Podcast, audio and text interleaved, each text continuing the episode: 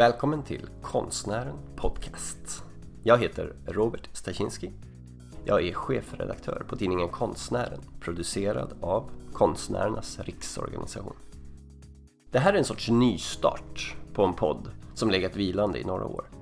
Den nya podden kommer fungera som en förlängning av tidningen med möjligheter till samtal, debatter, reflektioner och både korta och långa intervjuer kring allt som har relevans för konstnärers arbete och situation. Det första avsnittet för hösten 2023 handlar om konstnärlig frihet och för detta tillfälle har vi samlat kritiken Mårten Ansén, utredaren Pelle Amberntsson och juristen Katarina Renman Claesson. I avsnittet tar vi bland annat upp koranbränningar, Lars Vilks, den nya omdebatterade definitionen av museum, sociala medier och konst, Myndigheten för kulturanalys rapport Så fri är konsten, begreppet konstnärlig välfärd och mycket annat. I avsnittet hade vi oturligt nog problem med upptagning av ljud från en av mikrofonerna, vilket resulterat i att vissa röster ibland inte hörs lika tydligt. Vi ber om ursäkt för detta. Denna podd är gratis att lyssna på, men den är inte gratis att producera. Då vill du stödja podden och tidningen så är en årsprenumeration det absolut bästa. Det går enkelt att signa upp sig på kro.se och klicka fram till konstnären. Och gillar du avsnittet så fundera på att prenumerera via någon av plattformarna där man hittar poddar och kanske kommentera, dela, likea på sociala medier.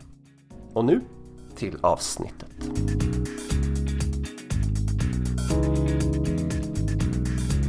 Välkomna mina tre gäster. Ehm, Pelle Amberntsson, utredare, analytiker på Myndigheten för kulturanalys.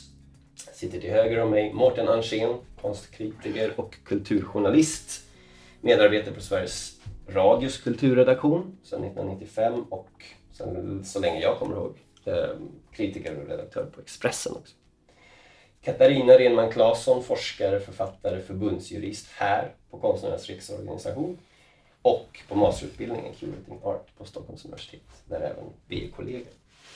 Får jag hoppa in? Ja. Och säga bara att jag, jag är inte kritiker på Expressen längre. Jag har inte Nej. varit det på länge. Jag, jag var det under, under 00-talet. Just det. Säga.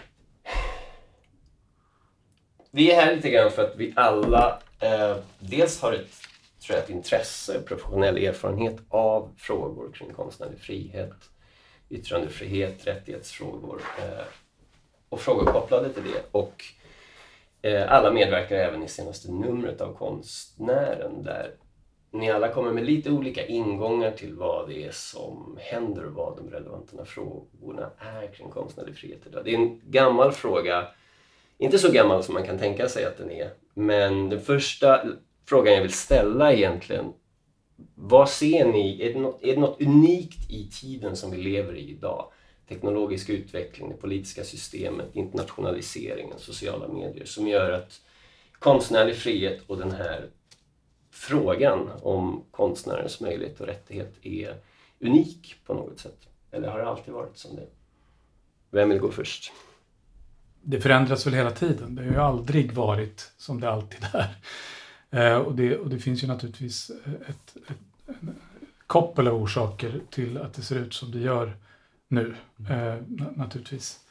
Eh, ur mitt perspektiv är kanske det, det största hotet mot den konstnärliga friheten självcensuren. Eh, att eh, det, eh, offentligheten är så laddad och polariserad. Eh, det här är en orsak eh, till det. Eh, att man drar sig för att eh, uttrycka vad man eh, tänker och tycker. Katarina, hur ser du på det? Ja, jag tror att den här allmänna tendensen att det faktiskt är färre demokratiska länder idag än vad det var på 80-talet också slår igenom i dels i självcensur, det är liksom hårdare tryck i omgivningen, men också faktiskt på, på statlig, på ledningsnivå.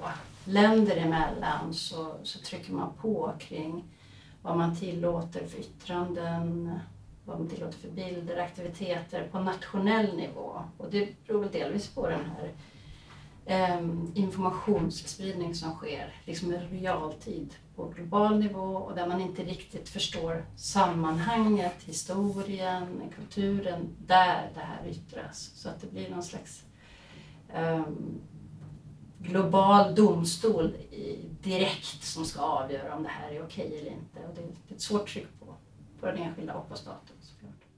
Mm.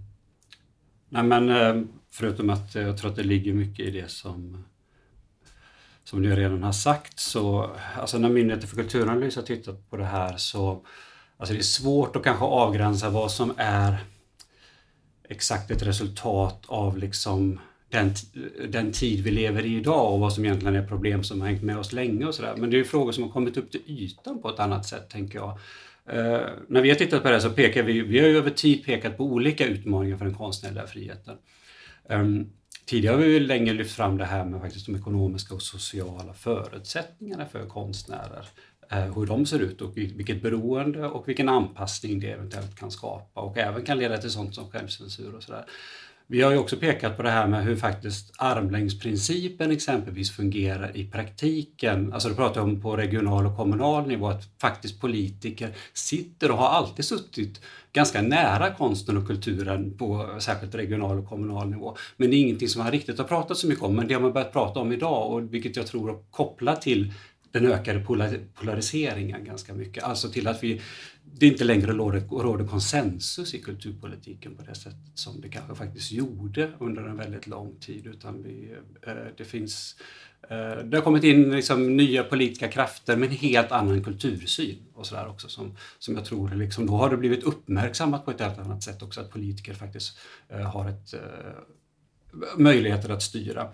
Och sen så kan man ju det, det ytterligare ett problem som kan vara värt att, att peka på vi då som framförallt tittar på kulturpolitiken, det är ju den här, det som man brukar kalla för instrumentalisering av konsten och kulturen. Ehm, eh, det tror jag är ett, eh, alltså, eh, det sker på ganska ska säga, ganska stor skala på de olika politiska nivåerna. Och det är också någonting som jag vet att Mårten eh, påpekar är någonting som sektorn också i stor utsträckning bidrar till. Vi kanske kan komma tillbaka till det. Eh, jag tror att det sker ett samspel där ganska mycket mellan politik och kultursektor och kulturskapare. Men eh, men där konsten och kulturen allt mer på något sätt avkrävs någon form av samhällsnytta. Och det där är, tror jag, ett större problem än vad man kanske har velat åtminstone inse tidigare. Det är jätteintressant. Mm. Det är massor med frågor vi ska återkomma till. Men, men en av de eh, uppenbara fenomenen de senaste åren är ju eh, både överstatlighet och, och, omorganisering av medlen. Så vi har alltifrån EU-pengar, organisationer, definitioner. Vi har eh, ICOM, internationella museiorganisationen, eh, som vi kan återkomma till och deras nya definition av vad museer är. Vi har eh, den svenska eh, samverkansmodellen och massor med förändringar och sånt där. Är det liksom kopplat till att det finns så många nya typer av utdefinierade spelare som också gör att alla de behöver ju sin prägel på att föra kultur och konst framåt. Vad är annars deras poäng om de inte gör någon typ av prägel? Vad tänker du Pelle? I det? Äh, du menar alltså att vi har ehm, Uh, jag är inte helt säker på att man förstod frågan, men alltså, uh, alltså att det är många olika uh, kulturpolitiska nivåer och, och sådär. Alltså jag tror, alltså det är väl vi, och då, ja, kanske jag riskerar att svara på ungefär samma sätt som tidigare, men, men det vi ändå tycker jag har, det, det jag tycker mig se och det vi också ser när jag tittar på forskningen och när vi har gjort våra egna undersökningar och så här, det är ju, um, kan vi säga, ett Eh, ett väldigt tydligt behov av att eh, Alltså det räcker inte med att eh, säga att konst och kultur är viktigt utifrån och så här. Utan det är ett ganska hårt tryck skulle jag säga på att motivera konsten och kulturen utifrån dess effekter på, inom andra samhällsområden. Och att det där är någonting, om man följer det över tid, så är det någonting som har tilltagit. Om man följer det från 70-talet, 80-talet och 90-talet och framåt så kan man se att särskilt på regional nivå så har det utvecklats, den här instrumentaliseringen har utvecklats ganska starkt mot att kanske på 80-talet så kommer det väldigt mycket in i det här tillväxttänket, att satsningen på konst och kultur är en, en ekonomisk investering och sådär. Ehm, eh, det där kan ses som eh, harmlöst, för det kan vara på övergripande nivå. Eh, men det som tenderar att hända det är att just att man trycker ner det på konstverksamheter och på konstnära kulturskapare. Att man ska motivera på vilket sätt man bidrar till regionens attraktivitet eller en institution, bidrar till folkhälsan eller man har det som någon form av generellt uppdrag och sådär.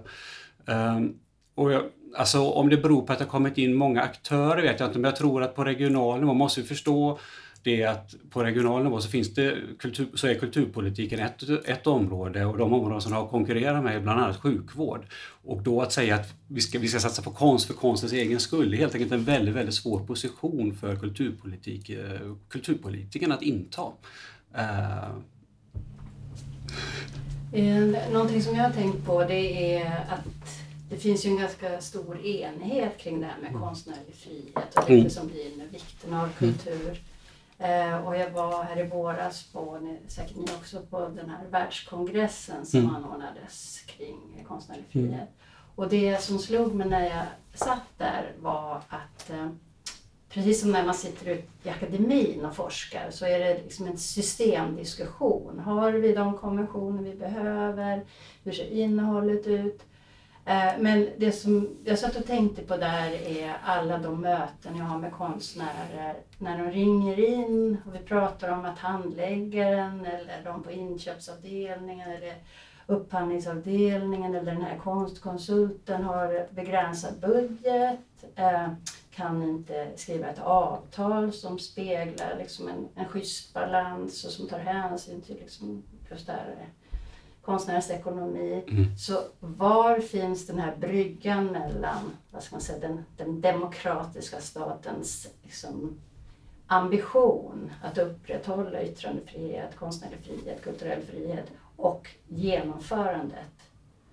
Och, och jag var med på någon session där jag sa att vem säkerställer att en handläggare som möter en konstnär inför en utställning, inför inköpen av offentlig konst, inför att ta fram en budget, känner till alla de löften som har lämnats liksom i internationella och regionala sammanhang om, om att vi ska upprätthålla den här friheten, den här ekonomin, hållbarhet.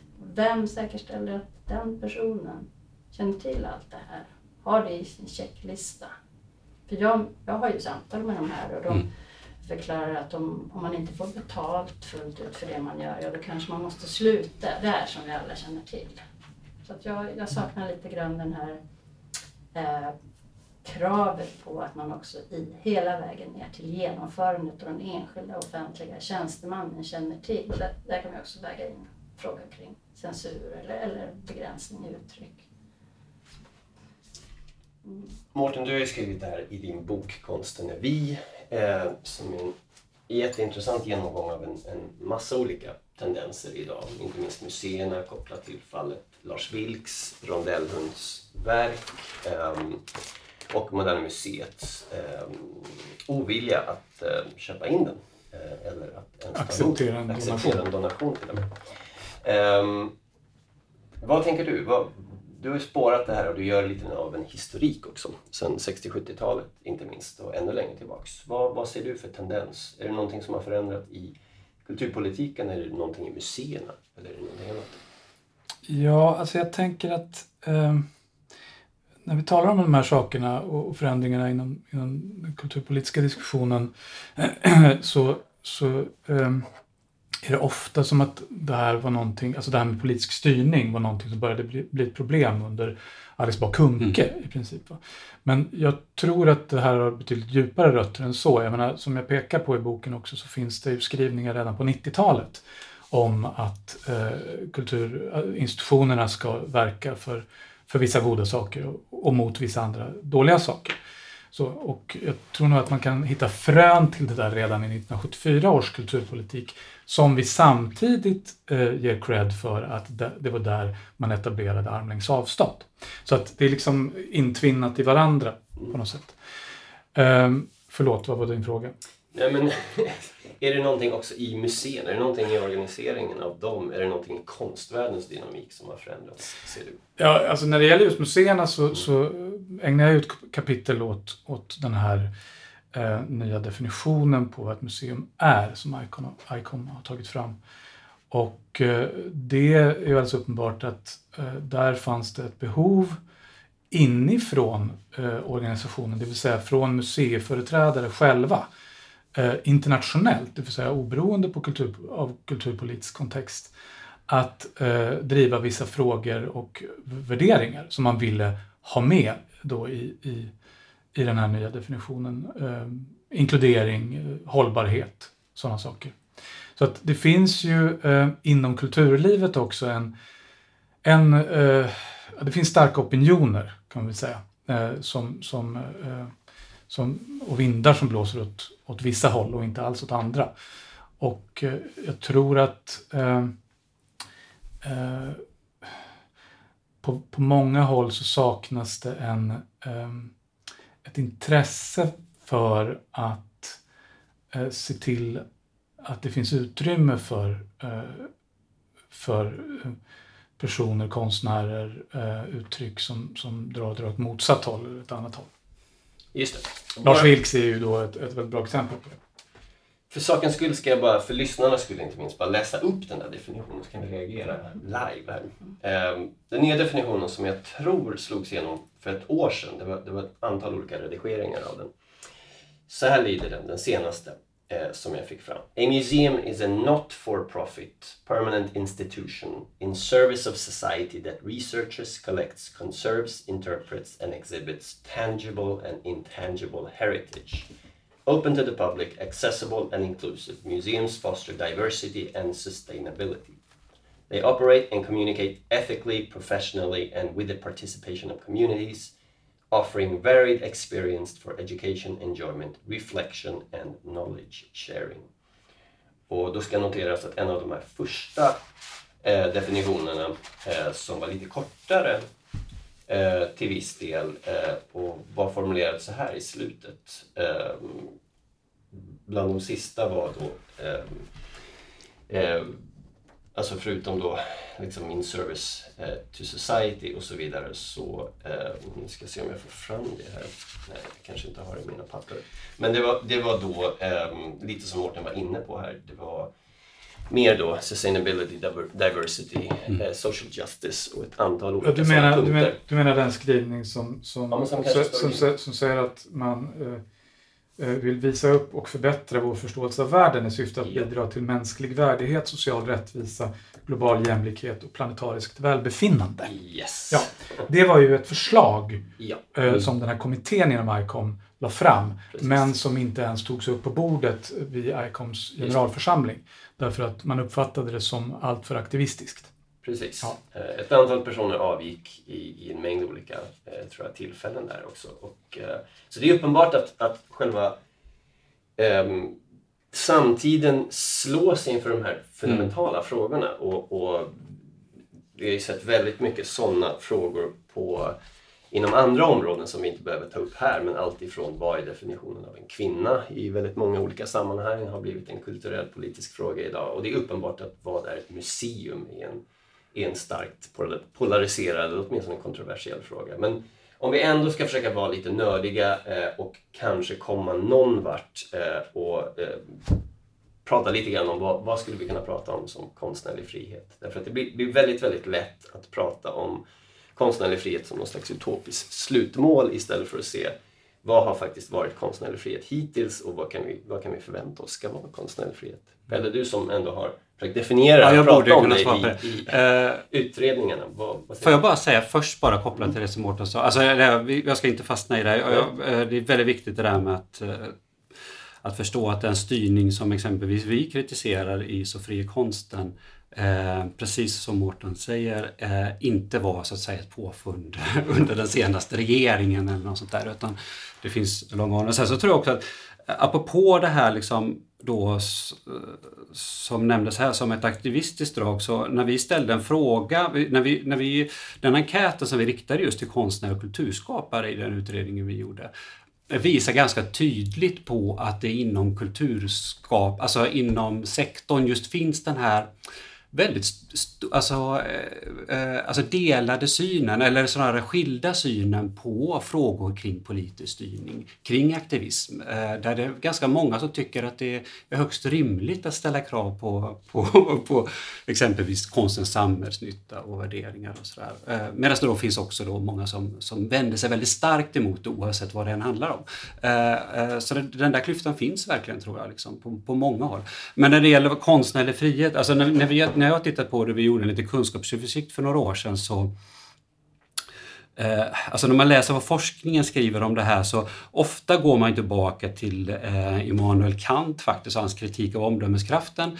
Eh, eh och eh, hans formulering om konsten som en ändamåls, ändamålsenlighet utan ändamål och sådär. Alltså en formulering som säkert många känner till och som kanske i något slags uh, mer vardagligt tal skulle handla om liksom, eh, konst för konstens egen skull och sådär och de här rörelserna som har, alltså, som har funnits kring det. Eh, jag tror att, alltså, när, ju mer jag har läst om det så, så kan man säga att Alltså att själva kärnan i idén om konstnärlig frihet handlar ju om att konsten egentligen inte ska åläggas någon annan uppgift än att vara konst. Det är inte så mycket mer komplicerat än så egentligen. Eh, så det är egentligen, det kan vi säga, att det romantiska ideal som någonstans finns.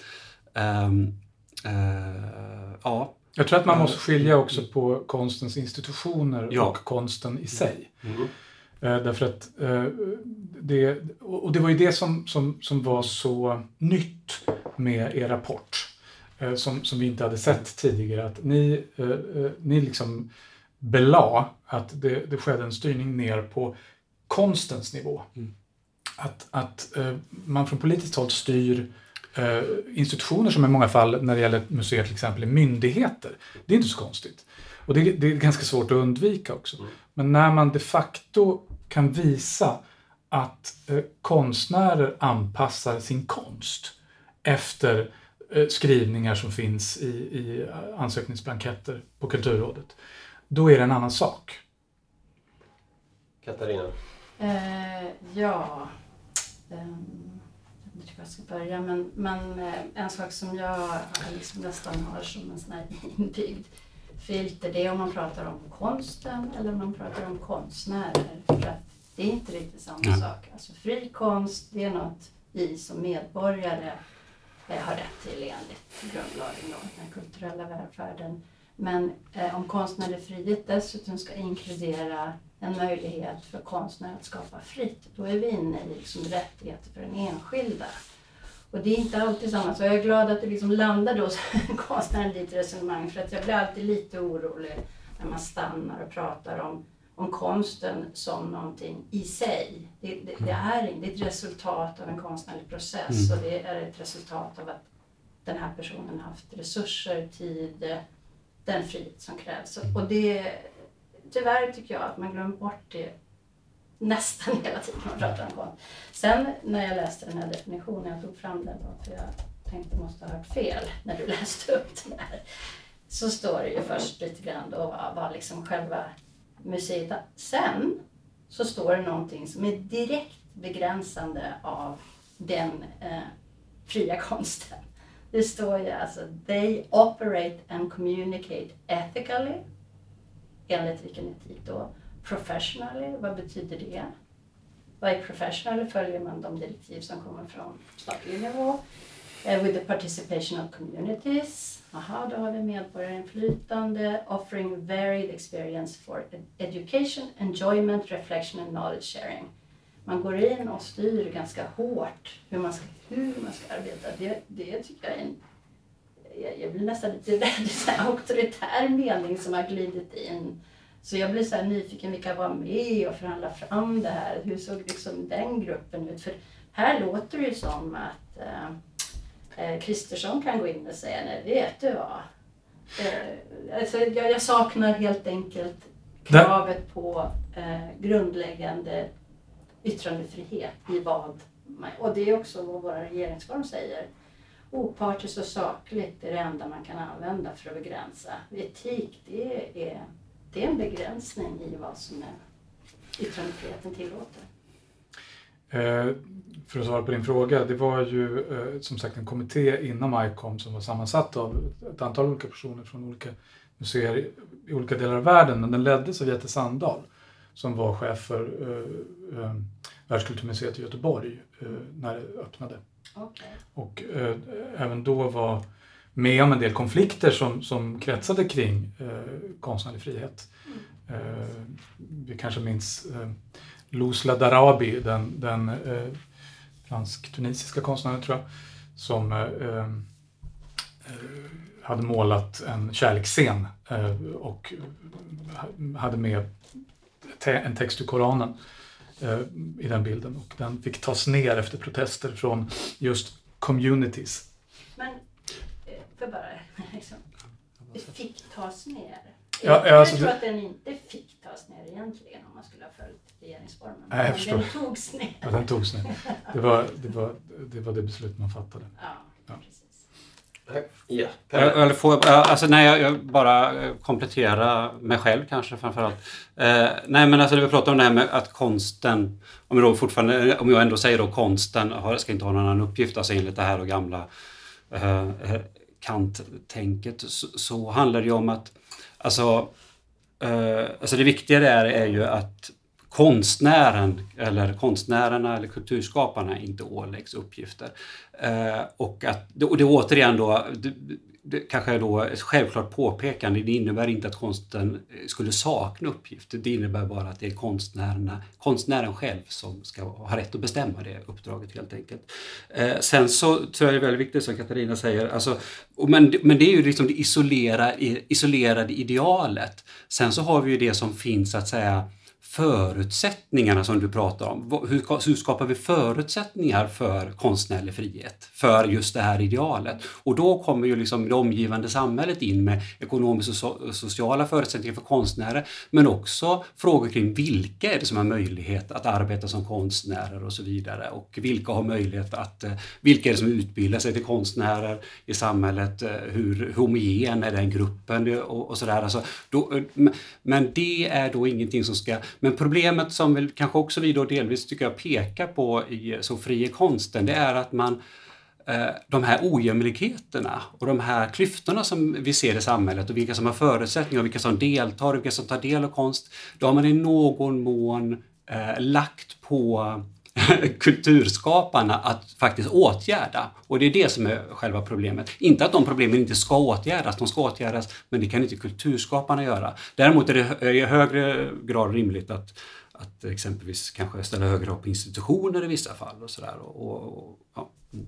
Men problemet också Mm. där, eh, vill jag inflika, apropå Moderna Museet då till exempel, eh, och Lars Vilks, eh, Rondellhunden eh, och omöjligheten av att ta emot den där. Det är ju att institutionerna har, har ju en tendens att lyssna på Mm. uppdragsgivarna också. Man, man underkastar sig inte bara och och gör det man är det man är eh, ålagd att göra eh, och ibland så struntar man till och med i det som står i grundlagen. Då. Ut, utan det finns, en, det finns liksom en normbildning här eh, som, som eh, har varit stark därför att eh, det, det politiska och det institutionella, alltså kulturlivet i sig, har liksom dragit åt samma håll. Har haft en samsyn när det gäller vissa centrala eh, mm, ideologiska frågor i tiden. Och då kan det bli väldigt trångt. Mm. Och det är jätteintressant det som ni båda säger och det Pelle sa, att det finns, det finns en massa förutsättningar kopplade till konstnärers situation, deras möjlighet att röra sig. Och ett begrepp som, som jag introducerades till av Katarina i senaste numret kulturell och konstnärlig välfärd som är, som är för mig ganska nytt men som jag känner jättebra komplement på olika sätt vad det gäller att prata om det här nästan filosofiskt utopiska idén från John Locke känns det som. En, en seminarieidé om konstnärlig frihet, vad det nu är. Därför att vad som är så självklart eh, om man bara går ut och om man arbetar som konstnär är att eh, du får ett uppdrag. Du ska göra x antal eh, väggbaserade verk för ett sjukhus där du måste liksom fokusera på det och det. Eller du får ett uppdrag till en utställning där du helt enkelt ska koppla det, eh, ditt verk till ett arkiv som finns i källaren eller någonting liknande. Eller du eh, befinner dig i en situation där du eh, ja, behöver söka en viss typ av, av stipendium som riktas till konst som produceras i, i en viss region. Det, det finns liksom inte riktigt den typen av av pengar, den typen av verklighet. Eh, inte minst vad det gäller utbildning som, som vi också kan möjligen gå in på. Men, men att söka till exempel konstnärlig forskning är ofta väldigt eh, kopplat till vissa tendenser på den specifika akademin eller den skolan. Och sånt där. Så, så den här idén om var den här märkliga liksom, friheten finns som är kopplad till allt ifrån konstnärens egen situation som vi konstaterade till en massa andra uppdragsgivare. Alltså, är det en utopi eller finns det det vi pratar om? Vad konkret är Hur, hur ser det ut konkret? Jag kan snor den bollen. Ja. Eh, nej men, eh, när jag eh, ja, när vi diskuterade att jag skulle skriva någonting dit så, så tog jag mig en liksom, extra tid till grundlagen. Och jag har ju varit väldigt intresserad av de enskilda rättigheterna, yttrandefrihet, upphovsrätt, information, demonstrationsfrihet. Jag tänkte, nu läser jag från början. Och då ramlar man ju in på det som statsskickets grunder. Eh, social, ekonomisk och kulturell välfärd. Och det, ja, det framkom i texten. Då tänkte jag, men vad är kulturell välfärd? För social välfärd, ja då ska vi ha socialförsäkringssystem, vi ska ha försäkringskassa, man ska få pengar när man blir sjuk. Eh, och eh, politisk välfärd, alltså man ska kunna rösta i fria val. Och när jag sen jag landade på kulturell välfärd och gjorde lite research så hittade jag en finsk rapport om hur bra det är med lite konst på sjukhus.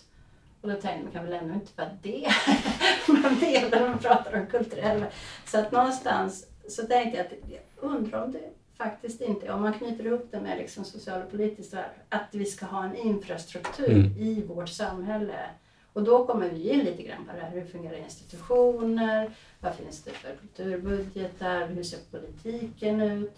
Där ställs det krav på statsskick då, att vara en kulturell välfärd. Jag ser inte, det är lite grann som jag pratat om, att man ser ju inte det i några skrivningar, i några texter om att det här är en förutsättning när du köper inkomst eller när du har en utställning. Att du säkerställer att nu, nu ger vi medborgaren det, den fria konst de har rätt till. Alltså det finns ingen sån infrastruktur som det finns i socialförsäkringssystemet. Eller, utan det blir någonstans väldigt ad hoc kring hur pass duktig är man på den här institutionen till att förstå eh, konstnärlig frihet eller den här kommunen på armlängds avstånd. Det, det, det, är lite det som jag sa från början, att hur, hur säkerställer man att den som faktiskt jobbar med de här frågorna i sin vardag förstår sin roll, dels som representant för det offentliga, men också eh, vad de handlingar, eller de dokument eller de ersättningar man ger har för liksom samhällelig effekt. Hur förstår de att det är de som ska kunna relatera den kulturella välfärden? Det, det är liksom fortfarande ett stort frågetecken, men det är ganska spännande tycker jag att liksom komma in på det. Jag, vill snabbt bara, och, bara bolla till, till Mårten som, som är redo att svara redan nu. Men, men det här är ju någonting som blev ganska tydligt som du skrev om och många andra skrev om kopplat till Lars Vilks som under lång tid var en av förutsättningarna till att han skulle fortsätta med sitt verk. Eh, var ju mer än att han hade då stöd från Säpo och svenska staten och att han fick en typ av beskydd och det, det beskyddet drogs delvis in i förhållande till hans, hans eh, partner och så vidare och det blev en kontrovers kopplat till det. Um, vad tänker du om just förutsättning för den enskilda konstnären men också helt ärligt det som vi ser med den senaste Lars Vilks-utställningen eh, att eh, rondellhundverket inte ens med eftersom det förmodligen krävs det krävs eh, en del infrastruktur, det krävs en säkerhet, mm. det krävs någonting för att uttrycka konstnärlig frihet. Ja, och de institutioner som skulle kunna ha tillgång till den eh, till de eh, infrastrukturella musklerna, eller hur man ska uttrycka det, eh, de vill ju inte eh, visa den. Så att istället så blir det en helt fristående, alltså Blåhallen i Höganäs, det är en, vad ska vi kalla den, en organisation, det kan man inte ens kalla den, det, det är två personer som driver den och som är helt självbärande, inte uppbär en krona i skattemedel. Eh, mm, men det är de som ställer ut Lars Vilks och gör en retrospektiv över honom. Sen kan de då tyvärr inte garantera säkerheten eh, mm, ifall de skulle visa just teckningen Profeten M som rondellhund. Men det betyder ju inte att, eh, att Mohammed saknas helt och hållet i utställningen om man tittar noga. Så det, det ja, i det här fallet så handlar det helt enkelt om mod. Vad säger du Pelle? Handlar det om, om mod eller handlar det om en annan typ av infrastruktur och en, en på något sätt global politisk verklighet som museerna kanske är ovana vid? Exempelvis det som, som, eh, som Mårten hänvisar till eh, eh men även Moderna Museet, att eh, ta emot en donation och sen säkerställa eh, på olika sätt hur det här ställs ut och, och den säkerheten varje dag. Det tänkte jag ganska mycket på när jag kom från universitetet in till KRO. Att konstvärlden är liksom en egen liten, en egen liten verklighet, mm. universum. Eh, på gott och ont. Eh, men, eh, och det slog mig faktiskt just nu när vi sitter och pratar. Därför att eh, om man tittar på Lars Vilks, hans processer, hans konst, eh, ja, hans liv överhuvudtaget, men, men också de uttryck som finns. Så är ju det definitivt del av ett samtida kulturarv. Mm. Och i en sån bedömning så spelar den konstnärliga kvaliteten noll och ingen betydelse. Men det är definitivt eh, liksom, samtida kulturarv. Det har ju varit med och jag skrivit om honom redan 2014 när han nekade ställa ut på amerikanska. Eh, eh, så frågan är om, om det har prövats. För att just när det gäller samtida kulturarv då gör man ju också en poäng av att här måste vi behålla sånt som är kontroversiellt dåligt. Från andra världskriget finns det ju kvar miljöer där det händer mycket. Liksom, just därför att det är en röst från en tid och det, man kan inte bedöma om det är, liksom, det är inte, det definitivt inte med konstnärlig kvalitet. Just det. Jo, men det har ju, det, jo, jo, nej, men alltså det, och det har ju varit Moderna Museets eh, argument, eller det argument som man landade i eh, till sist. Eh, det, det vill säga det här kvalitetsargumentet och där mm. man säger att Rondellhunden är ett mycket intressant eh, tidsfenomen, mm. men det är inte ett bra konstverk. Mm. Eh, jag har aldrig varit med om att kvalitetsfrågan Eh, har, har blivit så kontroversiell och omstridd i något enda fall under min 30-åriga verksamhet som konstkritiker, eh, som den här gången. Ehm, Eh, och, ja, sen så kan man ju fundera på mm. vad det egentligen beror på. Eller vad, vad, vad liksom det egentliga syftet är. Min, min enda grej som jag tänkte på också när den här retrospektiven kom nu, det var ju att där var man ju väldigt tydlig med, så som jag, i varje fall i det inslaget som jag, jag såg, att det, det, var en säkerhetsfråga, så uppfattade jag det. Och det är ju bara då som, och då pratar jag mer som liksom medborgare eller invånare, liksom mer, snarare än som utredare. Det är väldigt, väldigt skönt att få den tydligheten liksom.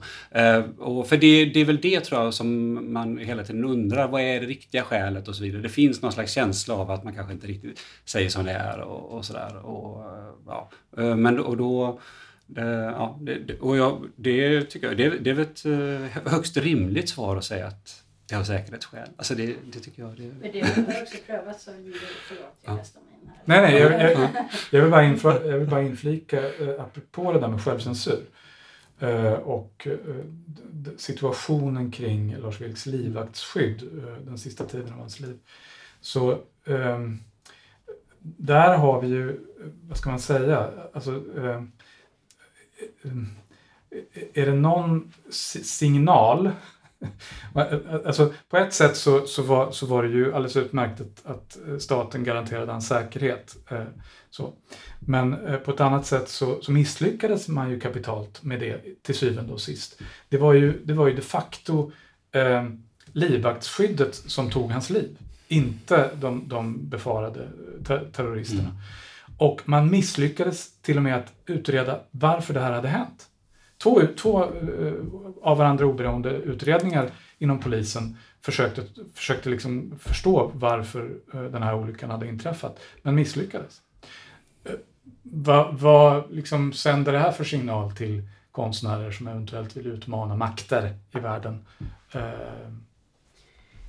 Det, det är ofta liksom de här anekdotiska stora skandalerna, kontroverserna, eh, enskilda fall av censur som, som väldigt mycket, som till exempel ut, utgör grunden i din bok Mårten, eh, där du liksom använder Vilks för att argumentera en större tendens eh, så, som jag, så som jag läser boken. Och, ehm, samtidigt, den, den vanliga liksom, frågan på marken för de flesta konstnärer är ju, den, den, den hamnar liksom nästan aldrig där. Eh, och, och Lars Vilks är ett väldigt intressant case och det var väldigt mycket som hände. Han, han var på många sätt väldigt, väldigt egen i, sin, i sitt förhållningssätt till hur han gjorde konst och hur han, hur han, hur han till slut liksom levde sitt liv. Eh, men om man tittar på liksom staten och det offentliga, om vi ska bara gå tillbaka lite grann till det som, som vi cirkulerar runt, vilket är Mårtens bok, eh, utredningen som, som Pelle har varit med och gjort, eh, så fri är konsten eh, och så finns det en annan, en annan bok som jag, som jag tycker är viktig här som, som du också nämner, Hanno Rauterbergs eh, bok Hur fri är konsten? Och som, eh, som, som på något sätt står för en av de senaste årens kanske tydligaste eh, ställningstaganden för ett antal olika kontroverser. Men då måste jag få rekommendera Mm. min bok. Ja, ja. Konstjuridik som skrev redan 2014 om Lars Vilks och flera beslut kring att ta ner konst. Och, eh, som kanske har gått lite under radarn eller så Mm. är det bara helt enkelt inte så eh, het. Den Definitivt. Den lyfter vi. Konstjuridik eh, behövs mer av. Ehm, Du så- kanske hade kunnat göra något med titeln.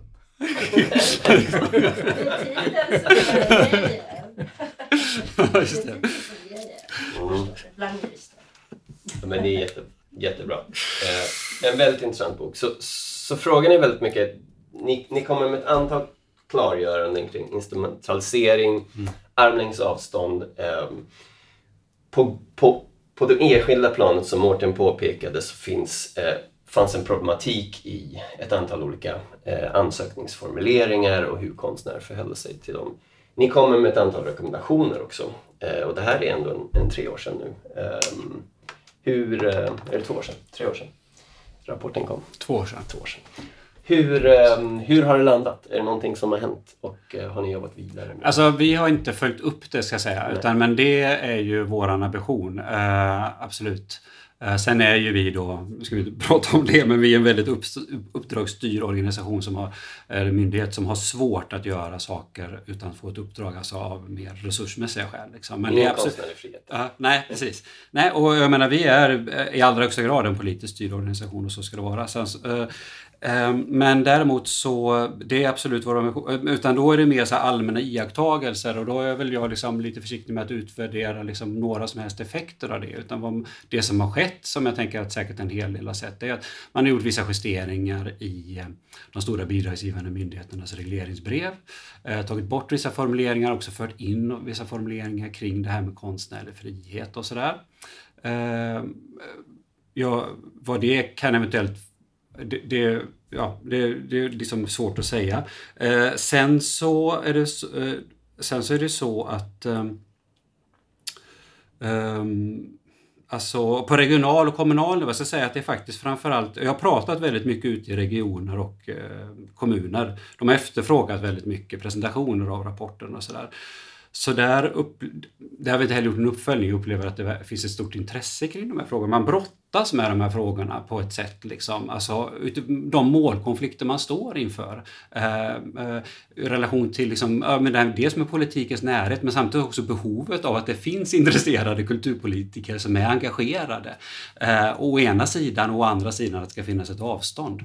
Eh, å ena sidan då konstens egenvärde och å andra sidan den här, ja, men hur ska vi kunna motivera att vi ska få resurser till konst och kultur i vår region om vi inte får säga att den gör nytta och så vidare. Och, och det, då har vi äh, äh, äh, äh deltagit i många sådana diskussioner.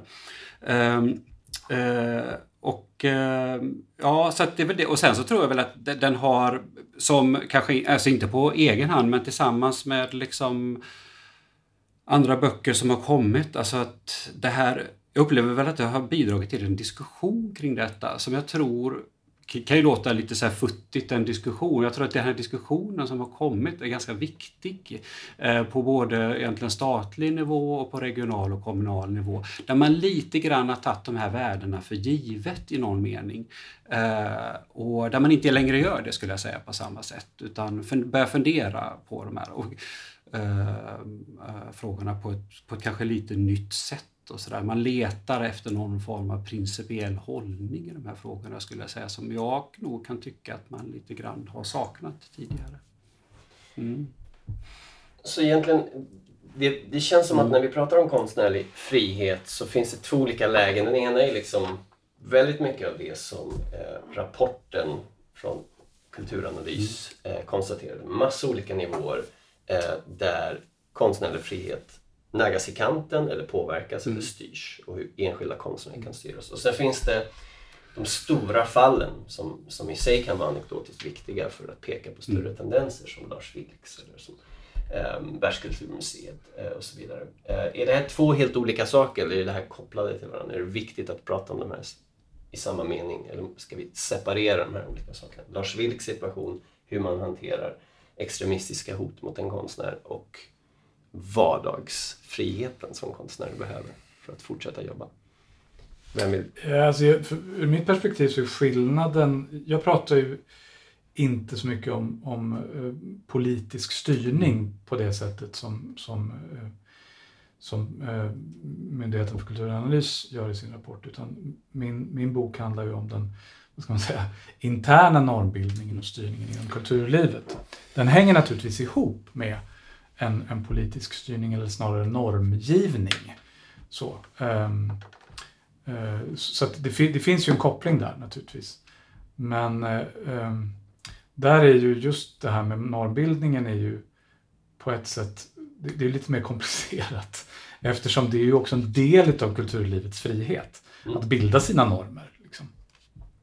Uh, så att, ja, det är mitt perspektiv på, på den frågan. Ja, jag, jag, tänker så här att eh, jag tror att det finns kanske en irritation för den som då inte är i kulturvärlden eller kulturbranschen och tycker att det är givet att det, det, det, finns ett värde av konst för sig själv. Och det är just det här att varför det? Varför ska en konstnär få sitta i sin ateljé och göra vad de vill och ingenting eller komma ut med en vit tavla och säga att det här är konst. Det finns liksom den här samhällsirritationen.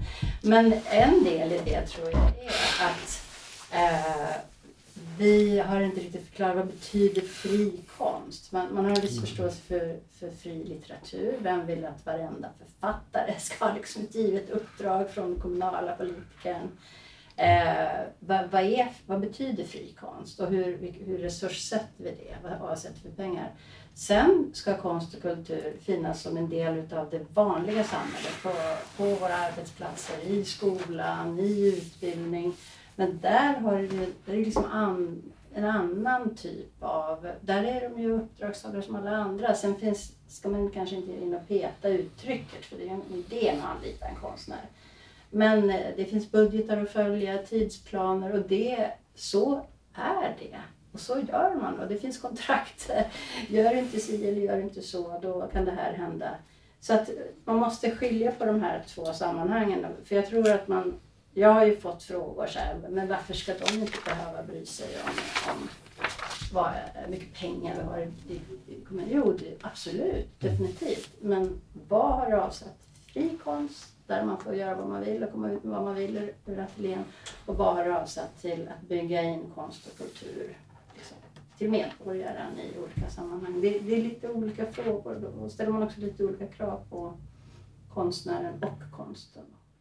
Det finns ju en systemkritisk diskussion att föra här också egentligen som, som jag däremot inte har sett särskilt mycket, eh, åtminstone inte i offentligheten. Och det är ju att eh, det finns en premiss när vi talar om, om konstnärer och kulturlivet och, hur det, och politiken. Så att säga. Att det, det, det är någonting som hänger ihop, alltså allting sitter ihop. Det är som kultursamverkansmodellen. Allting liksom är på något sätt stuprör och strukturer som, som, som sitter ihop i en väv där det offentliga bygger upp grunden för det eh, så, eh, ekonomiskt. Mm.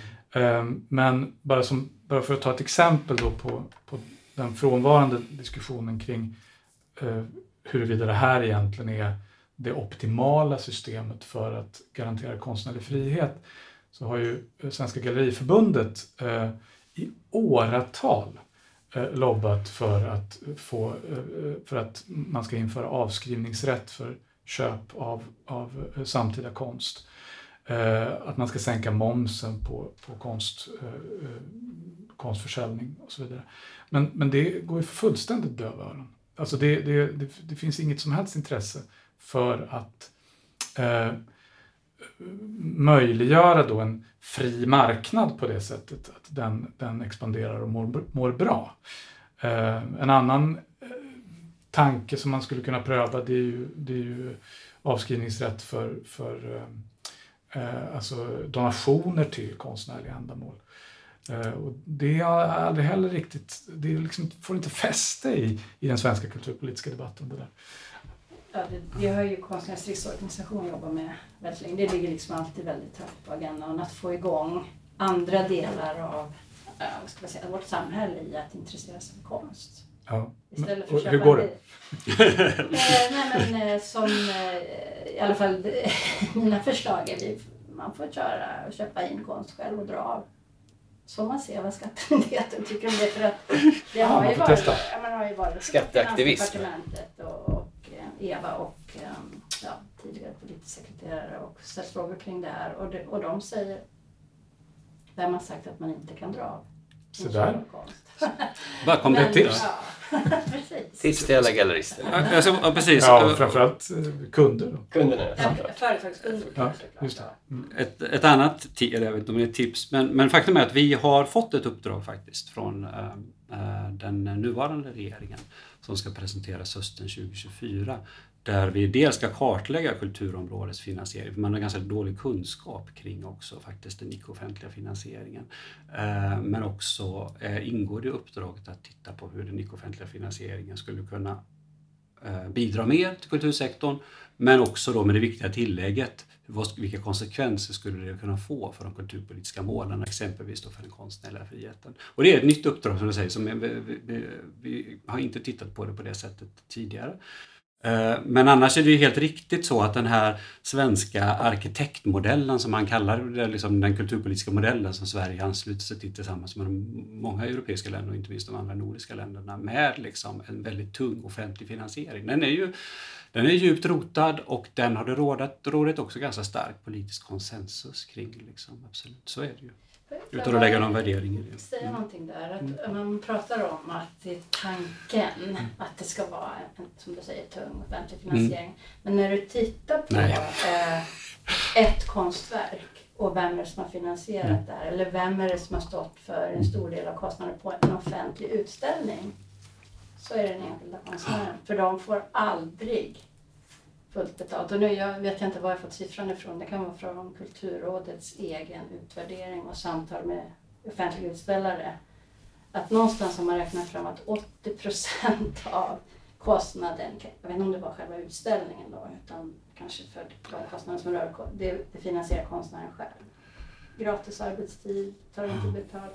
Så att, eh, jag hoppas att den men, frågan finns med. Ja men absolut. Och jag menar, tung offentlig finansiering kanske eh, sänder fel signal egentligen. Eh, det låter som att man ger väldigt, väldigt mycket, alltså att man satsar mm. väldigt mycket pengar. Eh, själva idén kan man säga i den kulturpolitiska modellen som vi, vi ansluter oss till kan man väl säga, eller är ju att det är ett stort offentligt ansvarstagande i någon mening. Då. Att det är liksom grundtanken. Sen så är det ju så som också faktiskt vill jag säga Kulturanalys har pekat på i de flesta sådana här eh, Eh, Eh, lägesbedömningar som vi gör att sektorn är ju, alltså lider av en ständig underfinansiering och ofta urholkning liksom, eh, när det gäller institutioner exempelvis också. Och så där. Så, att, eh, så det är inte så att det...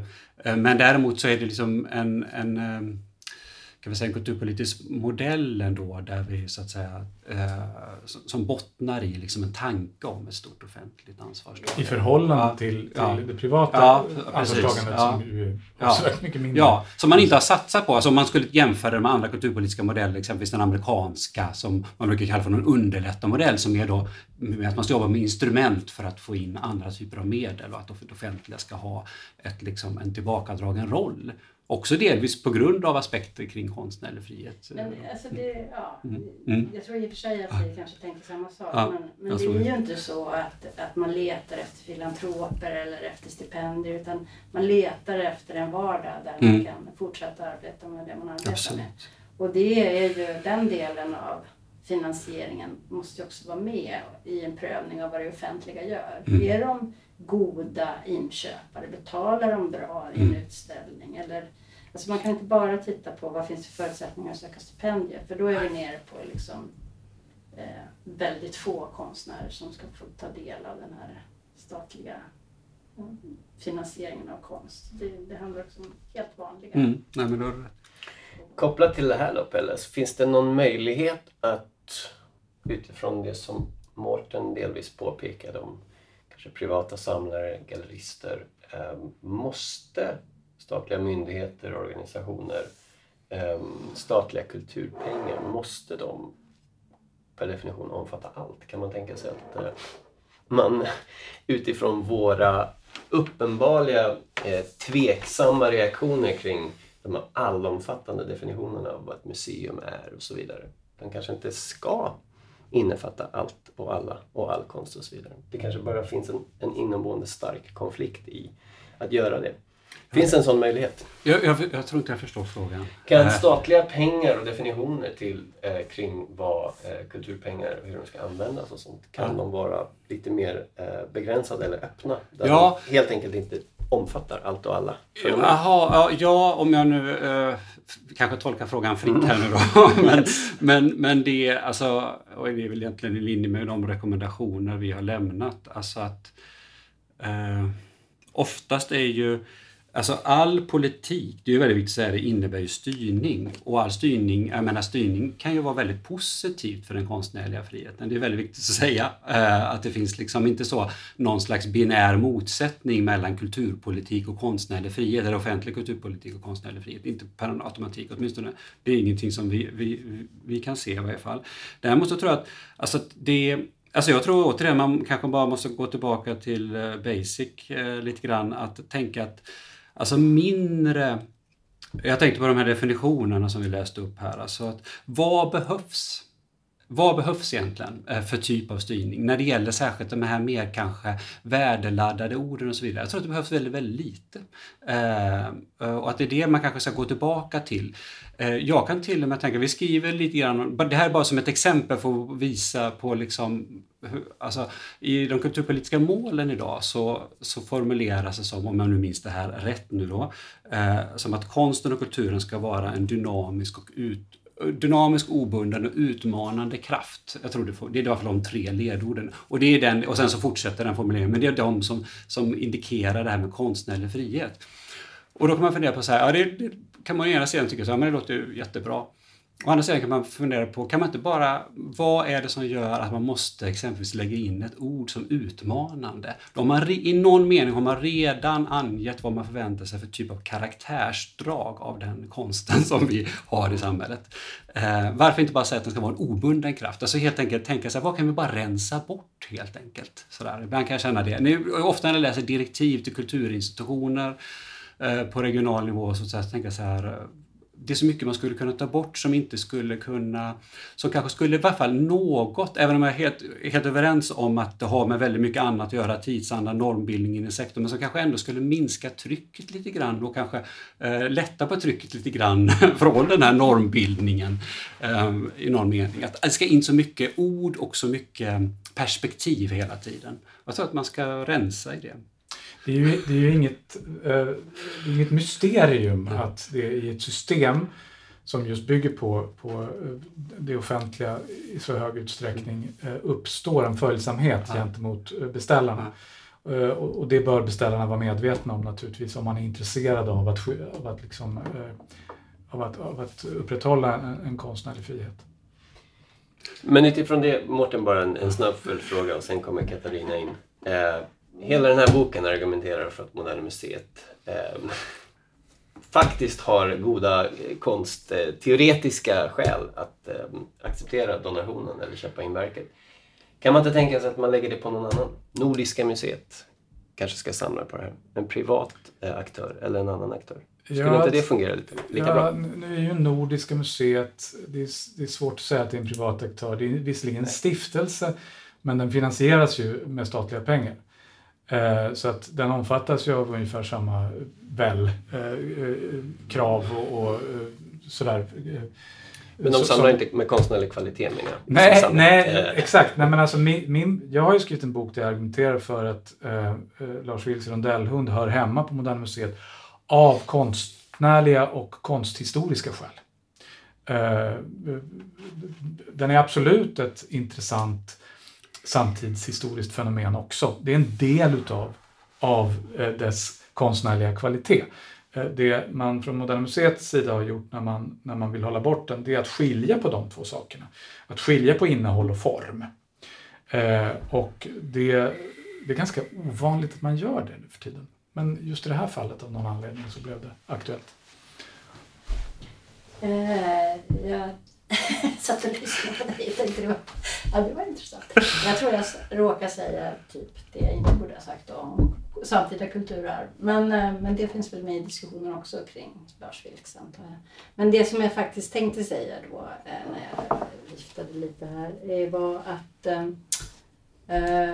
jag tänker på det här samtalet och på alla texter och, och jag kommer lite grann tillbaks till det här att det är ju liksom det är ju otroligt eh, intressant och spännande att liksom intellektuellt jobba med konstnärlig frihet och frikonst och så. Men jag, jag kommer liksom ändå in som en liten sån här som en bonde med skit under mm. naglarna och säger så här att och hur konkretiseras det? För det är ändå det det handlar om i slutändan. Det, vi kan liksom inte fortsätta med de här samtalen som har på. Det, det är spännande och det måste finnas i en demokratiskt samhälle för det är en del av liksom det här med att eh, förhålla sig till konst och kultur. Men hur genomför vi det? Hur mm. säkerställer Och då är det är så tråkigt att det handlar om juridik. Eh, det handlar om dokument. Jag kan ta ett exempel på utställningssidan så ser man, även om vi inte är i mål, så ser man att det är inget konstigt för en konstnär att börja prata om utställningsersättning, medverkansersättning jämfört med vad det var ja, liksom innan man införde MU-avtalet. Så tråkiga, liksom praktiska tips för att få det här liksom att landa i den verkligheten så måste vi ha avtal, styrdokument, eh, supertrist och inget intellektuellt spännande alls att prata om. Nej, men alltså, det, det är jättebra och jätteviktigt. Men, men vi kommer ju aldrig att eh, uppnå ett eh, samhälle där, där, allt det här är garanterat fullt ut. Alltså det, det, det är som var det Schiller som sa att konsten är ett löfte om frihet. Mm. Det är liksom eh, eh mycket av, av, eh, värdet av den konstnärliga friheten ligger ju i, i den här eh, drömmen om frihet som, som konsten på något sätt eh, representerar. Eh, och sen att konstnärer alltid i någon mån kommer att vara fattiga eller att de kommer att vara eh, eh, underkastade olika liksom, orättvisor och sådär. Jag tror att det är svårt att, att tänka sig, eh, som sagt, en situation där allt det där är, är omhändertaget. Men så kan man inte säga när det är det offentliga som köper eller ställer ut. Men de ska ju sköta sig naturligtvis. Då får man inte säga att du får räkna med att vara lite fattig för du är ändå konstnär. Det, det är inte okej. Okay. Jag vet att inte du menade det. Men, Nej, men man, men... Kan, man kan inte heller vänta sig att det offentliga ska ta hand om och se till att alla konstnärer som, som så att säga har den eh, yrkesidentiteten är, är eh, fria i meningen Eh, Eh, inte liksom har, har några ekonomiska bekymmer. Nej, men det var faktiskt inte det jag sa. Utan jag sa att om man går in och anlitar en konstnär, köper in konst, då ska man vara en liksom, aktör som säkerställer att vi begär inga rabatter, vi begär inte att du ska jobba gratis. Då ska man vara den goda marknadsaktören om jag uttrycker det så. Men man ska inte köpa konst av alla hela tiden. Eh, vilket man kan blanda ihop det med kanske. Jag, vill bara, alltså det, det, jag håller, det, det är ju väldigt viktiga konkreta frågor, absolut. Eh, det, eh, absolut att det är så Kristina. det, det är ju det här, och samtidigt så, alltså, det är verkligen så att, eh, du frågade tidigare just det men vad är nu konstnärlig, Alltså, är det en utopi? Ja, alltså det, jag uppfattar det, är ju som ett ideal, eller kanske löftet som aldrig infrias. Eller, eller, eller så här. Men eh, och det är ju ett ideal precis som kanske demokrati. Alltså demokratin är aldrig fulländad och, så. Utan det är ju någonting vi strävar mot. Det är inte så att vi kommer uppnå en situation där det plötsligt är konstnärlig frihet. Där det, liksom eh, någon slags, det låter nästan auktoritärt att tänka de banorna.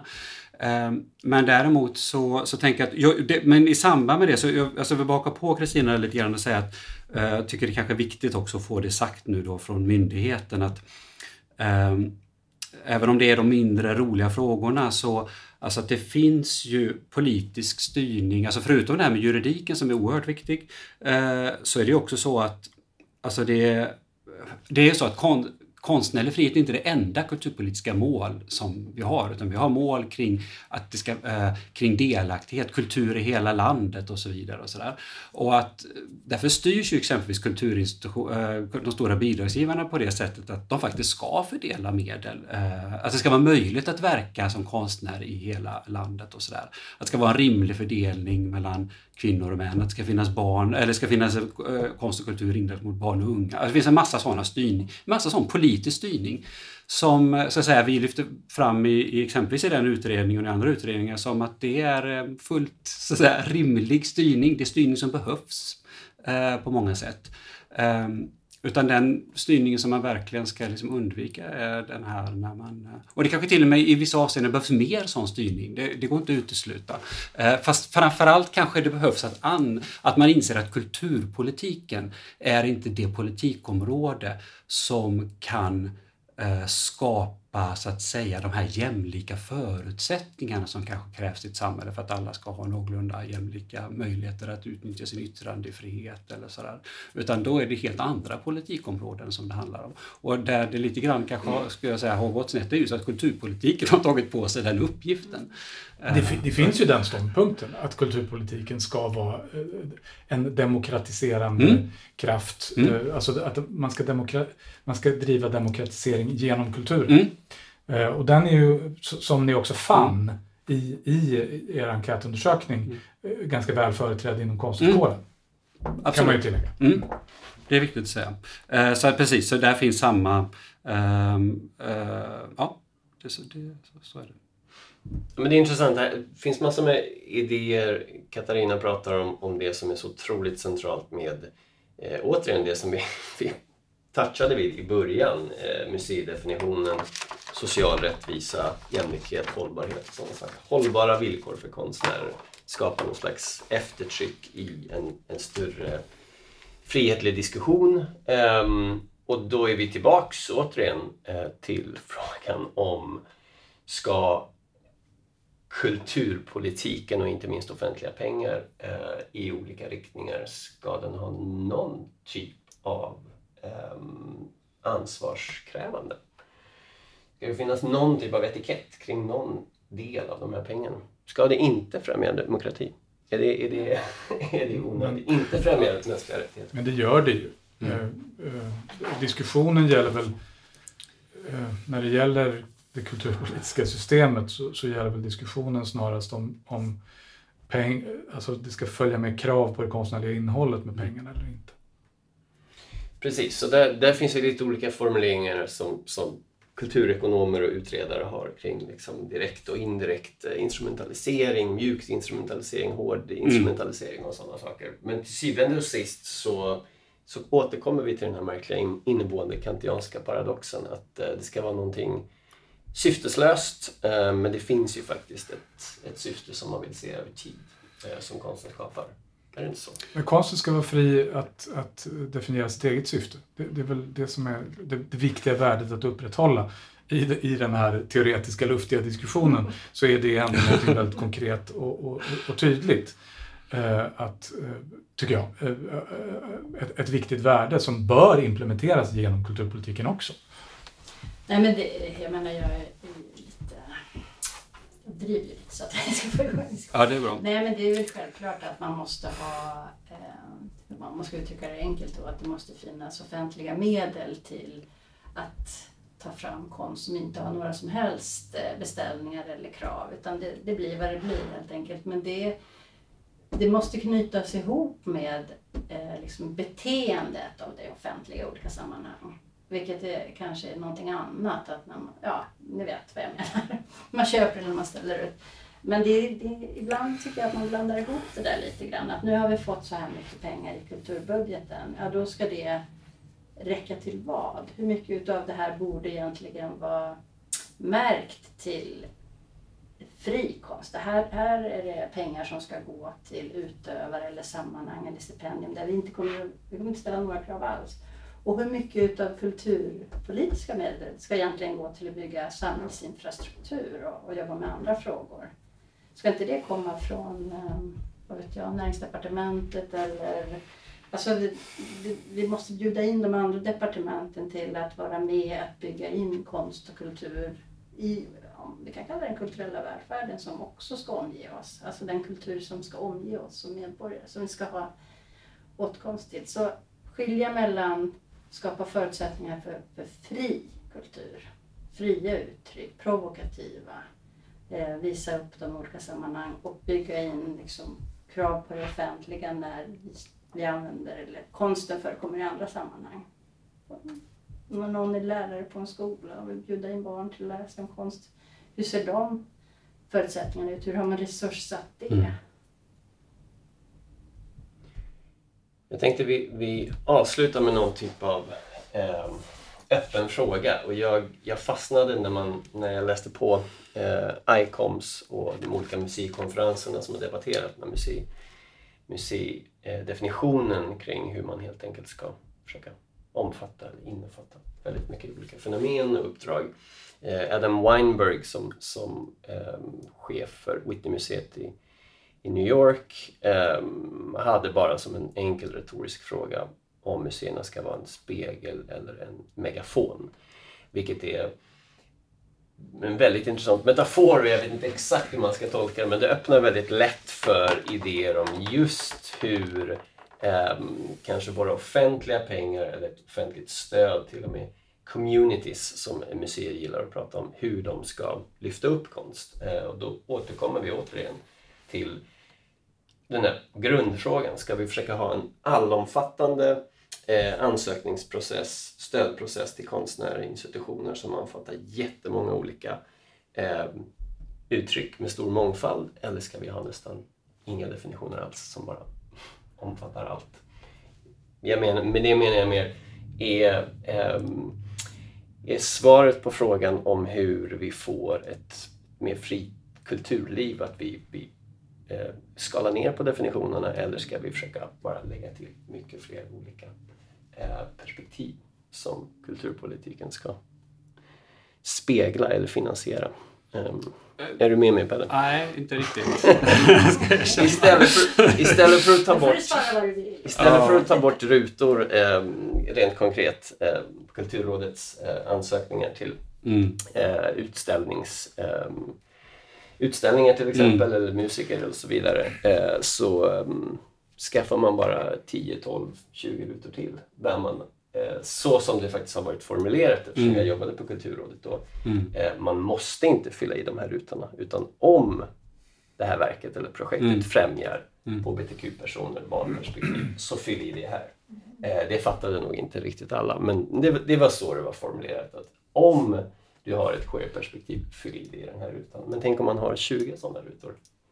Skapat en, en, en större möjlighet. Ja, det blir mycket, menar, och vilka, det blir mycket arbete med de där ja, ansökningarna. Okay, okay. Eh, nej, men, eh, ja, nej men på så konkret nivå så är det klart att man kan reagera, eller, eh, och det skriver vi också lite grann, man kan reagera på... Jag tycker det är en stor skillnad faktiskt mellan exempelvis Konstnärsnämnden och Kulturrådet ska jag säga. Um, hur de utformar sina Eh, blanketter. Men det är klart man kan reagera på blanketternas längd och, eh, och att nästan frågor kring eh, den konstnärliga visionen och så vidare är liksom eh, Ja men faktiskt, det finns lika mycket utrymme att beskriva det som, som alla de här andra perspektiven. Eh, Eh, och det är klart att man kan eh, reagera på längden och på mängden då information som kanske har väldigt lite med konst och kultur att göra då som man ska besvara. Och att det också då kan göra det svårt, eh, alltså det handlar om att vara skicklig på att skriva ansökningar. Alltså det finns en sån risk med, det, med ett sånt system. mer än att vara duktig kulturskapare. Ja, har... Eh, eh, eh, Ni nämner på, på en del ställen i rapporten att det också kan vara så att man läser in saker Mm. i, i de här eh, frågorna som kommer från andra ansökningssystem. Mm. Eh, och, och då tänkte jag på, eh, alltså, när, när Stina Oskarsson förde upp den här debatten kring, kring de här teatercheckarna Eh, för, för några år sedan, så, så då handlade ju det om, om eh, ett ansökningssystem som fanns i Stockholms stad, eh, om jag inte minns fel. Och när jag, apropå normerande, att saker och ting, liksom idéer om vad kulturpolitiken och vad som är goda saker som kulturpolitiken ska verka för, sipprar ner från den statliga nivån och, och, och vidare. Så eh, pratade jag lite med en av eh, arrangörerna där på Blåhallen eh, i samband med att jag var där och tittade på Lars Vilks retrospektiv. Och, de, och så frågade jag lite hur, hur det funkar och så sa de att ja, det, det, det, det, det går bra men vi skulle verkligen behöva lägga om taket. Eh, och det är ju en rätt allvarlig sak. De har ju eh, tagit över då en eh, väldigt vacker gammal industribyggnad eh, från Höganäsbolaget eh, för ett antal år sedan. Men nu behöver de lägga om taket. Lägger man inte om taket då, då går det inte att vara där inne till sist. Men eh, de drar sig, de vill, de vill inte in i liksom, eh, de, de kommunala då, ansökningssystemen därför att då följer det med ett koppel av krav på eh, vad man ska göra, och vad man ska se till och vad man ska liksom, eh, verka för och sådär. Så de, de befinner sig i ett dilemma. Jag, tänkte precis också, det är många som drar sig för att söka EU-pengar. Mm. För att det, dels så tar det liksom halva projekttiden och sen så ska den utvärderas direkt när man har satt igång. Så att egentligen så gör man inget annat än att fylla i blanketter. Men jag, jag fastnade lite på liksom den här vi var inne på och rotade kring ICOMs definition av museum. Och det som jag har tänkt på är ju att om vi säger att man nu någonstans är ute efter att begränsa vad som Eh, utkomsten av fri konst så kan man ju börja lite grann där och det tycker jag är ett ganska sofistikerat system. Man börjar med regleringsbrev. Eh, man går in och tittar på ledningen om det nu är liksom tillsatt, vilket det ofta är, via liksom någon politisk eh, nivå i samhället.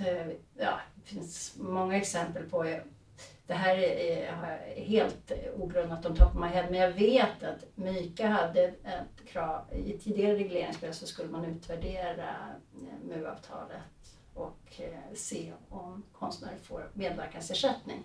Jag vet att det ändrades. Mm. Ja, Och det är sådana jättesmå, man tar bort en mening, men helt plötsligt så jobbar den här myndigheten eller det här museumet. Jag vet en konstnär som, eh, Eh, det var en utställning som var på gång, men helt plötsligt fick man besked om att nej, men eh, enligt våra regleringsbrev så ska vi inte jobba med det här. Och det var en ganska provokativ utställning. Men då så säger den nya museichefen att enligt våra nya regleringsbrev så ska vi inte jobba med den här typen av utställning. Men visst, vi ska kompensera dig och det blir jättebra och så. Och så dyker det upp en helt annan, lite tråkigare utställning kanske. Men det där är ju någonting som pågår i, på ett sätt så att det, det är liksom inte, det går inte riktigt att sä, säga att där har du gjort fel, där har du brutit mot lagen, där är en, en grundlags eh, Eh, strid stridig aktivitet utan det här är, ändrar man den här infrastrukturen, den kulturella välfärden liksom får ett mindre utrymme. Och jag vet inte riktigt vad man ska göra heller annat än att vara vaksam då. Och varför gör man den här? Varför tar man bort en bisats i ett regleringsbrev? Eller varför ändrar man dess uppdrag, varför byter man ut den här institutionschefen? Ja, det vet jag. Det har ju gått en våg där man har bytt ut generaldirektörer och för att de påstås ha haft en politisk koppling. Och så vad, vad, vad har den nya för politisk koppling? Det är, liksom, det är helt öppet. Jag menar, jag har ingen bevis för någonting. Men i Ryssland byter de Ja, nej men och, och som, som du säger, det här är ju någonting som pågår eh, i Sverige också, eh, fast kanske inte riktigt, riktigt lika uppenbart, men, men ändå pågår ständigt och kanske alltid har gjort det. Mm. Eh, ehm, så, så absolut, uppmärksamhet på det är väl bra. Men, eh, jag tror, Robert, din fråga där var egentligen, eh, alltså skulle man brassa på med mer för att liksom, eh, För att bredda... För, eh, ja, jag är osäker på vad det är du ser framför dig. Men, men, men, men, det låter inte som vägen framåt. Utan snarare, den typen av diskussioner kan man ju, apropå det här med liksom att, alltså, och det är det man ska tänka på att jag tror egentligen, när, när jag, när jag, tänk, jag, jag satt och funderade på här om vi kanske egentligen eh, jobbar med olika så här, kulturbegrepp här äh, äh, lite grann. Men, men, men äh, nu tappade jag tråden här. Ehm, Gud, vad ska jag, jo, nej men apropå det här att alltså om vi, som konstnärer, kulturskapare, fria teatergrupper, vad det än handlar om, utställningsverksamheter, eh, så är det så att man, precis, man jobbar mot de här tre nivåerna i väldigt stor utsträckning inom det offentliga systemet. Och, eh, och, eh, och, då, och det är klart, då möter man på olika typer av signaler från olika nivåer och sådär. Eh, och det är klart, det här tillsammans bildar liksom en, en viss massa av, av världen då som, som man ändå har med sig i någon mening. Som jag tror ändå i någon utsträckning kan, kan bidra då till någon form av eh, normbildning som, eh, eh, som då potentiellt sett kan vara problematiskt. Det handlar ju inte om att de här normerna finns. Vi hade någon fråga här tidigare så här om woke, eller så här, kring wokeism och så här. Det, det finns ju inget problem med att människor är woke personligen tror att det är väldigt bra. Eh, men det är ett problem om man ställer krav på konstnärerna att vara vogue i sin konst. Mm. Eller att, eh, eller så det, det, är det som är själva, det är det som är själva problemet. Och då tror jag väldigt mycket på att skala ner snarare och kanske bryta upp, öppna upp och sådär. Och jag vet att det är sådana diskussioner som försiggår. Eh, om man tittar exempelvis eh, Kulturrådet, de har ett antal, liksom, de har, vet inte vad det är, upp mot 15 olika bidragsordningar till olika konst och kulturområden och sen så har de sina olika bidrag och sådär som är då ganska, eh, ja men i vissa stuprör i, relation till olika konst och kulturuttryck. Och där kan man fundera på det är ju delvis, då kanske vi öppnar upp en helt annan diskussion, men där kan man fundera på, finns det skäl att öppna upp snarare liksom, kanske inte eh, där det kanske liksom inte man styr, alltså, för det är också en form av styrning, sådär, att man tänker mer, mer kultur, konstövergripande, att man öppnar liksom för att, det är också en frihetsfråga i någon mening, att man ska passa in i de här olika facken också ibland. Och, så. och det är inte bara en bidragsfråga. Ja. Tänker jag. Det finns ju fler faktorer som påverkar det här. Eh, du var inne och touchade på konstutbildningen tidigare. Och om man kombinerar eh, wokeismen, eh, mm. som, som är ganska stark inom konstlivet idag, eh, och eh, akademiseringen av konstutbildningen, alltså eh, där vi har följt Bologna-processen och gått från att eh, ha en konst, högre konstundervisning som i stort sett byggde på ateljébesök någon gång i veckan från professorn. Och annars så var det fritt skapande och att man liksom letade i sig själv och, och fann vägen fram liksom, i sitt konstnärskap till ett eh, mycket liksom, tajtare system av examinering. Eh, så är det ju lätt hänt att det uppstår en situation där det finns rätt och fel. Mm. Det finns rätt eh, frågor att ta sig an i sin konst och det finns rätt och fel sätt att göra det på. Mm. Och det tror inte jag är så bra för den konstnärliga friheten. Nej. Men slutligen då, utifrån era alla perspektiv, erfarenheter, vad ni håller på med just nu. Vad ser ni på horisonten? Hopp, hopplöshet? Kommer det fortsätta ungefär som det har varit? Problem. Nej, men alltså just, nu, just nu så har vi ju eh, en fråga kring, eh, kring eh, ordningslagen eh, som regeringen utreder eh, och det kanske inte ser ut att påverka konsten, åtminstone inte liksom på bredden eh, direkt. Men, men det är klart, när, när, eh, om, en svensk konstnär skulle göra som den här danska konstnären Firouz eh, Basrafkan gjorde och ställa sig utanför iranska ambassaden och strimla en koran, då, då, då hamnar vi i en situation där konsten mm. och eh, mötesfriheten, är en, konstens frihet och mötesfriheten är en och densamma. Eh, så där har vi ju, eh, där har vi ju ett ja, konkret problem på horisonten? Jag tänker lite grann som jag sa från början att om, det, om man ser en, att den auktoritära utvecklingen i världen är, liksom, vi har haft, vi har pikat i liksom, flera demokratier så är det, ja, vi har ju varit inne på lite olika sätt, men det leder ju i sin förlängning till att nationalstaten får ett större tryck utifrån som det precis är nu då. Det handlar ju inte bara om någon som står och bränner en religiös skrift utanför ambassaden. Det handlar om att Sverige ska få bli medlem i NATO. Det är liksom sådana otroliga... Um, det, hänger, det hänger samman i mm. världssamtalen. Det tycker jag är ett problem och det gör att vi måste ha den här typen av samtal. Vi måste liksom också jobba konkretisera. Liksom.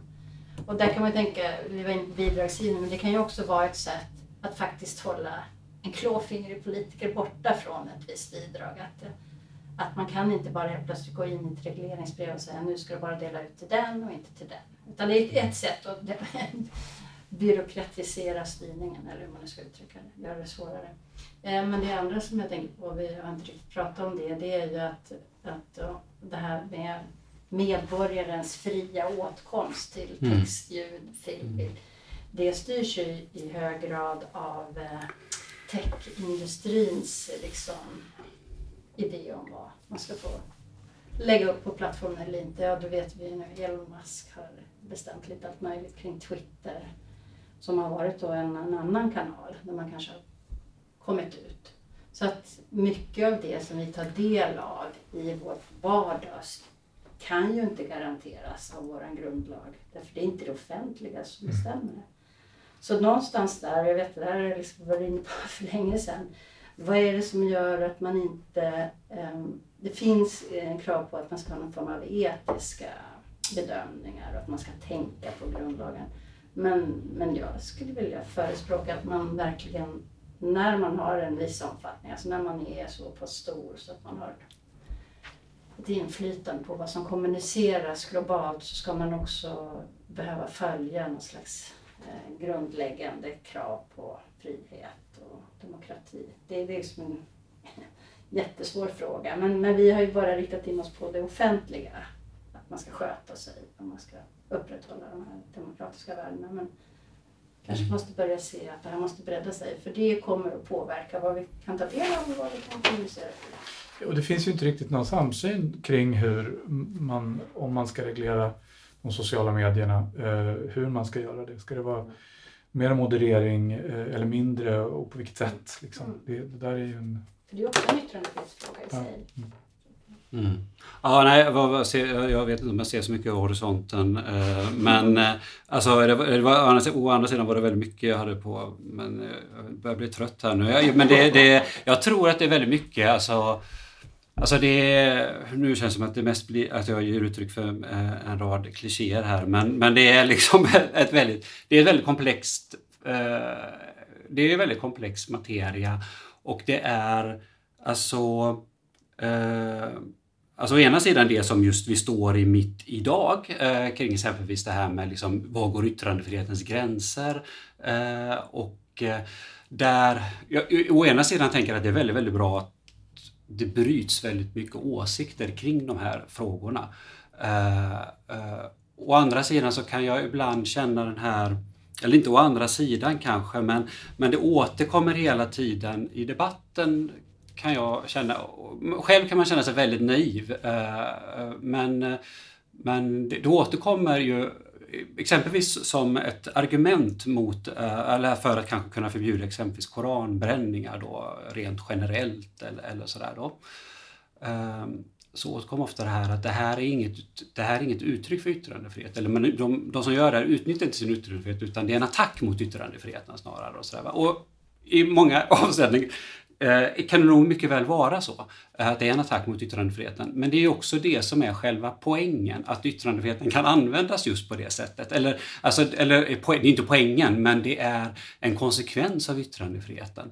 Eh, att, eh, att, man, alltså att vi inte kan kontrollera den helt enkelt. Och så där. Att den är, den är, jag tror Mårten skriver, eh, har en fin diskussion om det, eh, det här konsten som en oberäknelig partner och sådär. Och det är precis det som den ska få vara.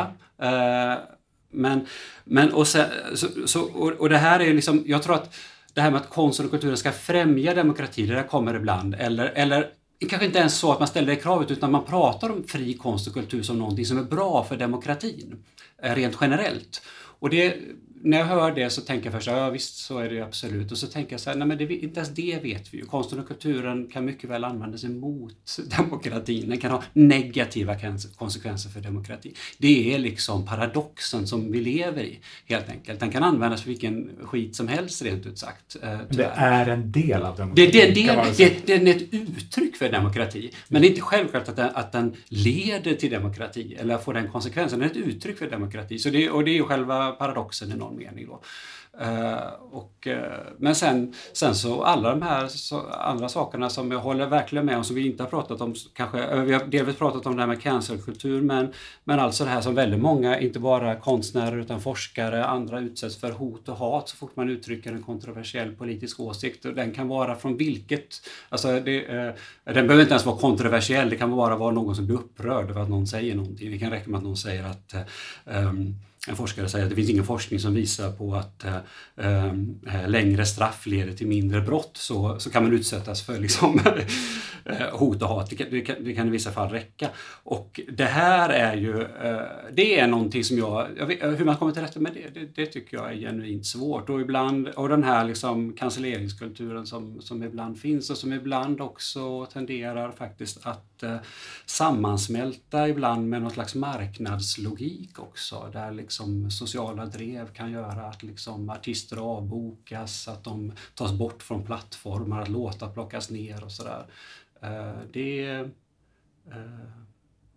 det visar väl också att liksom, en ren marknadsmodell är nog ingen garant för konstnärlig frihet. Ja, men det, där visar ju, det där visar ju också, eh, om man ska då liksom landa i ändå någon, någon ja. det är också en klyscha, men, ja. men on a positive note, ja. så, så är det ju det är både, det är både bra och, och nödvändigt att just de här frågorna mm. om yttrandefrihet och konstnärlig frihet eh, är uppe på bordet mm. nu på ett sätt som, som, som jag ändå i, i det långa perspektivet är ganska nytt.